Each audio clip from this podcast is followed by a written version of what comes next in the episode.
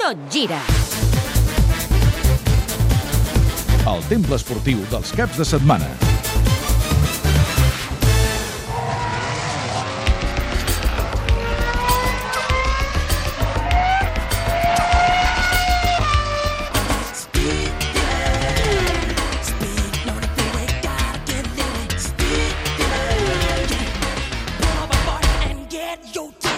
D'aquí a una setmana clavada comença el Mundial de Fórmula 1 i d'aquí dues setmanes clavades començarà el Mundial de MotoGP. Ja ho sabeu, 18 curses de MotoGP, 18 transmissions en directe al Tot Gira de Catalunya Ràdio. Però abans parlarem de Fórmula 1 perquè serà el que primer arribarà. A aquesta hora ja sabrem, eh, perquè es disputarà de matinada, què haurà passat en el primer Gran Premi de la temporada a Austràlia. Si s'haguessin de fer apostes després de la pretemporada que hi ha hagut, seria complicadíssim encertar.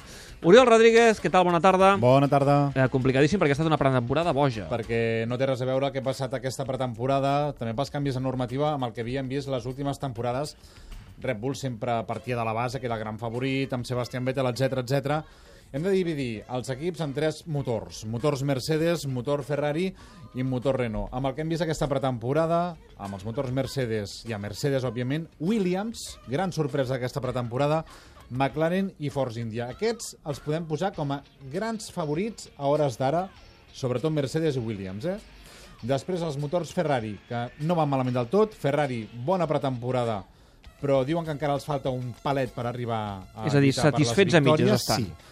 Sauber i Marussia com a comparses, per tant Ferrari eh, un graó per sota de Mercedes i Renault, la gran sensació de les últimes temporades, que és el gran desastre amb Red Bull, que ha naufragat al llarg d'aquesta pretemporada, Lotus, que no se sap on va, Toro Rosso, una simple comparsa, i Caterham, doncs, també una simple comparsa. Però alerta, perquè hi ha alguns pilots que diuen que, que quan el Red Bull ha funcionat aquesta pretemporada, quan l'han vist en pista, que pots tremolar del potencial que pot arribar a tenir, que encara no té, perquè, per exemple, Helmut Marko diu que els falten dos mesos, i això és horrorós, per poder arribar a ser competitius. Per tant, Així també et treus pressió, no?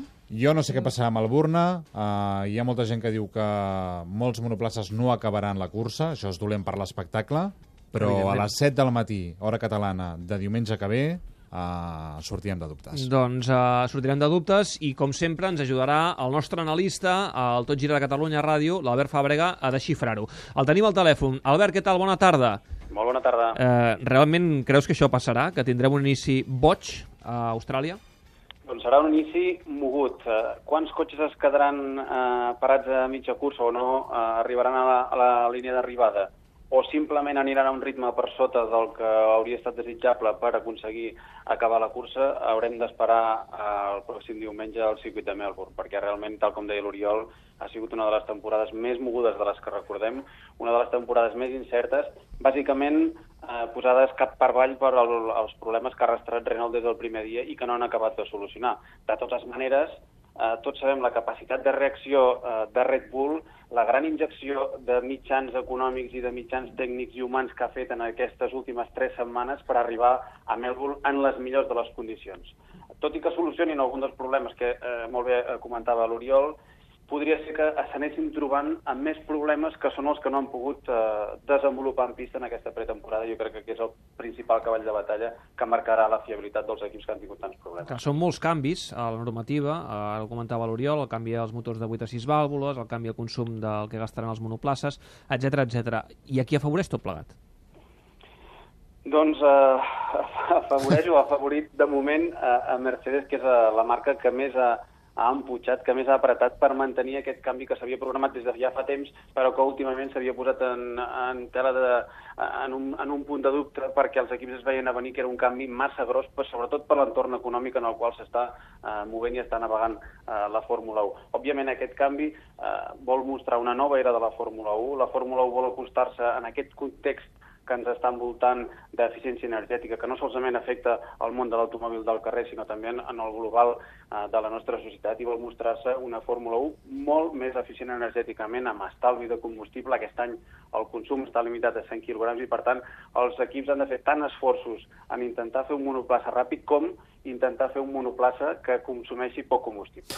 Hem de comentar que aquest any a l'última cursa val 50 punts. La Federació Internacional d'Automobilisme es va treure aquesta normativa per intentar igualar.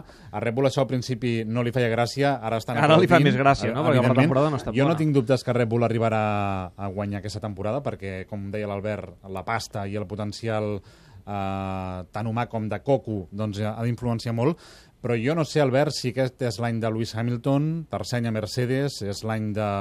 que ell es va fixar com a objectiu per poder ser campió del món, no? Indubtablement. Té tots els eh, elements a favor seu.